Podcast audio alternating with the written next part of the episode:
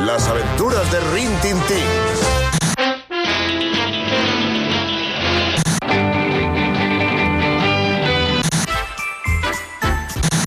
La familia El equipo A.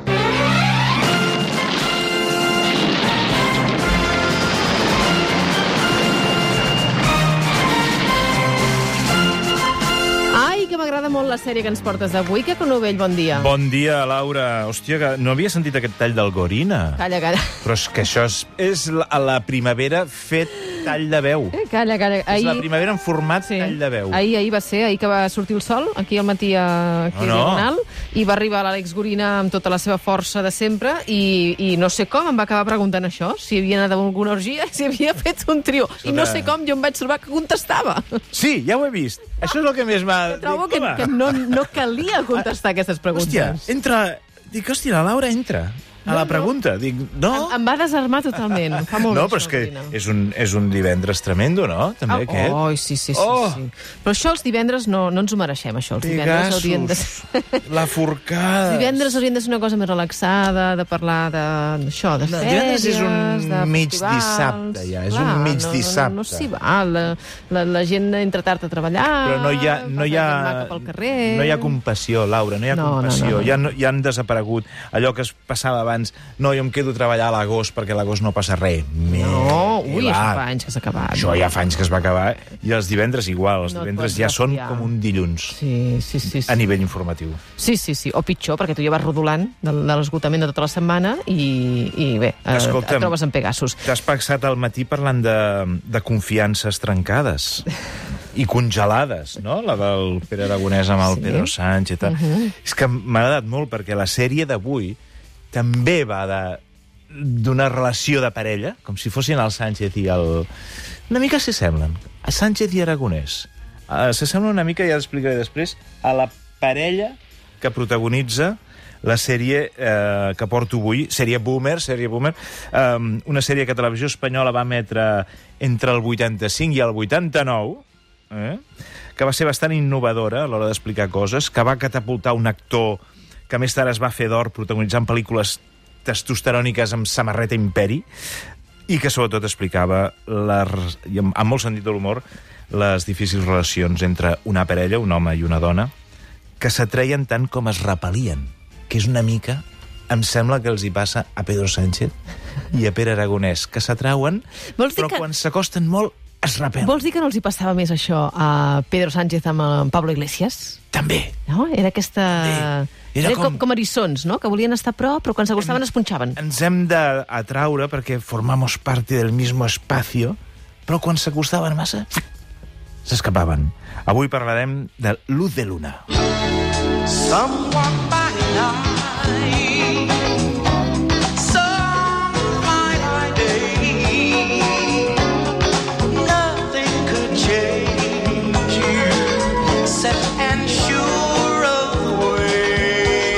Aquesta és la banda sonora de Luz de Luna. Meravellosa. De l'Alt Jarró. Meravellosa. Molt maca. Escoltem, escoltem una mica més.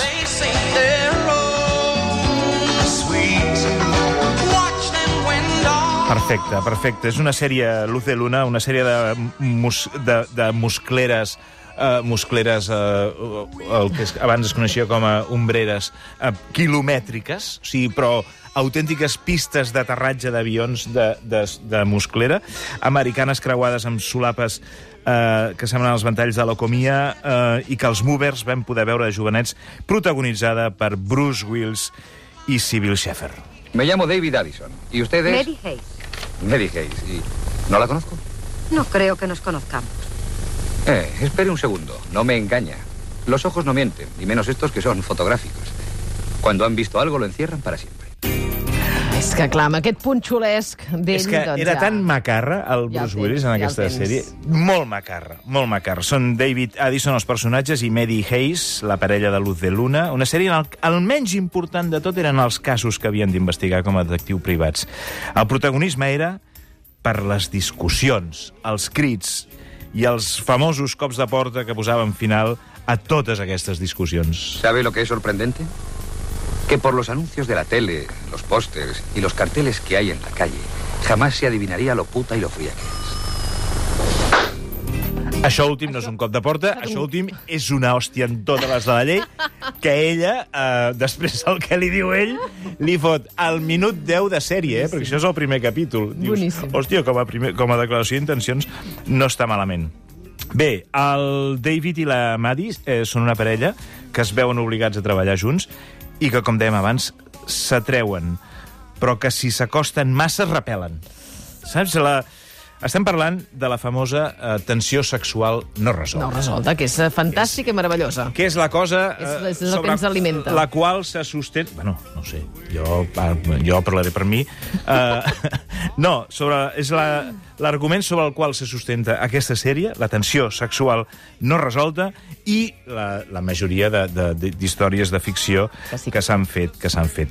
Uh, en el primer capítol ja el personatge de Bruce Willis ja li tira la canya al personatge de la Sybil Schaeffer i això va augmentant a cada capítol fins que, com deia, aquesta tensió sexual no resolta va, ser, va acabar sent un dels motors de la sèrie.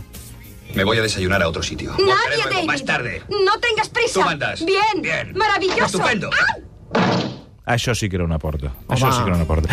Fora del set, la Sybil Schaeffer va explicar en unes memòries que va fer anys més tard que un dia, acabant un rodatge que hi havia hagut un rodatge... Ostres, ara passa un senyor pel carrer que podria ser el Bruce Willis. T'ho juro. Oh! Ostres, m'he quedat... Oh! No ho és, eh? Sí que s'hi sembla per darrere, sí. Hòstia, no, i, Bé, i de calb, perfil. No, no, i de perfil, Laura, perquè val, és calb com una bola de billar, vale. però és que de perfil se semblava... Ostres, quin Però, però, impacte he però du tingut. xandall. En Bruce Willis no portaria mai xandall. Ja ho sé, ja Això ho no aniria fa. amb samarreta imperi, clar, Bruce Willis.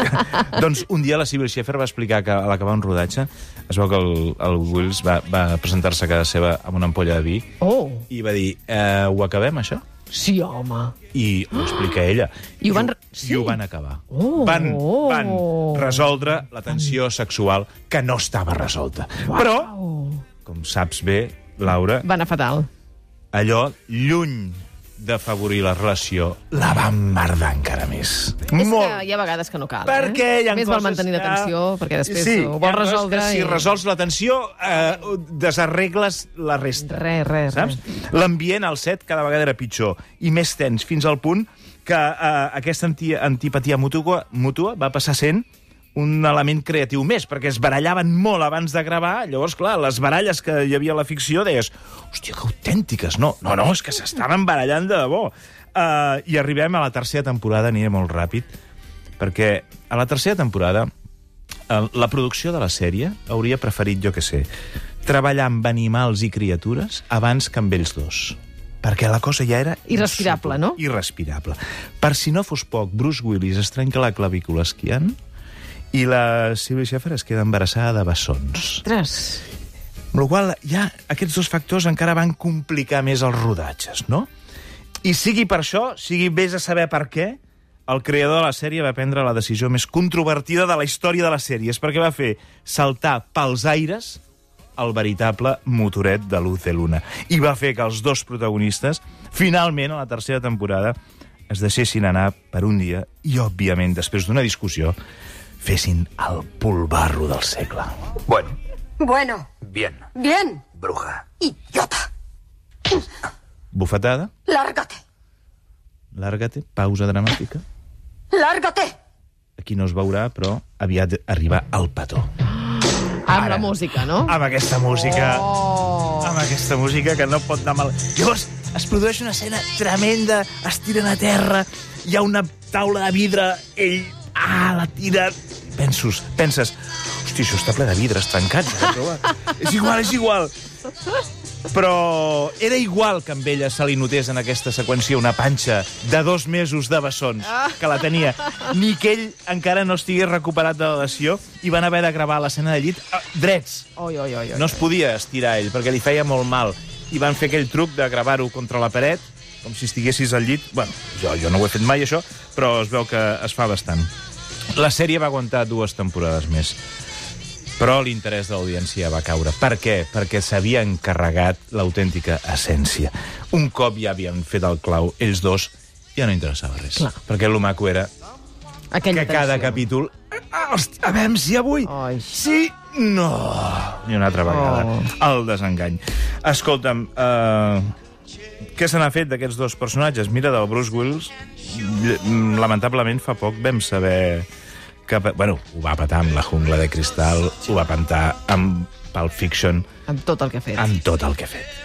Però fa poc vam saber que, que va anunciar que deixava de treballar per culpa d'una afàsia, que és una malaltia, un trastorn que provoca la pèrdua de, de parlar i de comprendre el llenguatge parlat o escrit.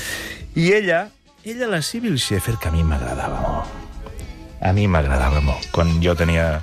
Quan jo veia aquesta sèrie, que tenia 20 i pocs anys, m'agradava molt la Sibyl Schaeffer. Doncs eh, va provar sort del cine, però no va tenir molt èxit. No. No, però més tard va fer unes memòries que m'ha agradat molt, per les quals va cobrar un milió d'euros per avançat. Home, alerta. Però m'agrada molt el títol de les memòries. És així. Desobediència civil. Dos punts. Va, que fent un joc de paraules. No, no, molt- és que... Dos Enredat. punts. Com vaig sobreviure a concursos de bellesa, Elvis, sexe, Bruce Willis, mentides, matrimonis, maternitat, Hollywood i l'impuls incontenible de dir el que penso. Això és com a títol de memòries, no, perquè va ser nòvia de l'Elvis. Clar, és que Elvis és Elvis Presley. Com vaig sobreviure a Elvis? Elvis, Elvis Presley. I com vaig sobreviure a Bruce Willis? Em sembla fantàstic. Bueno, és una sèrie que ho va patar molt, eh, va ser un èxit de masses, va servir de laboratori per experimentar nous formats de tele. Els personatges era molt, era molt divertit perquè sabien que eren personatges d'una sèrie, que això és molt divertit, i l'ú- l'últim capítol és bastant memorable. Que bé, tu te'n recordes, Pineda, de l'U de Luna? I tant, moltíssim, perquè a més ell estava guapíssim, era del primer que feia, eh? El primer, el primer, les bueno, sèries que... de sí, fa, sí, sí. famós, el primer que feia. Sí, sí, sí, el primer sí. que feia, sí. Guapíssim. Hi ha companys de la redacció que es confessen i diuen que ells volien ser Bruce Willis. Doncs clar, qui no vol ser Bruce Willis? És que una mica ja és això, eh? Una mica ja és això. Sí, sí. Quan... Provocava aquest efecte, eh? provocava aquest efecte de dir, uf, que macarra que ets, però com m'agradaria ser una mica més a mi. Sí, sí, sí. sí. Vinga, va,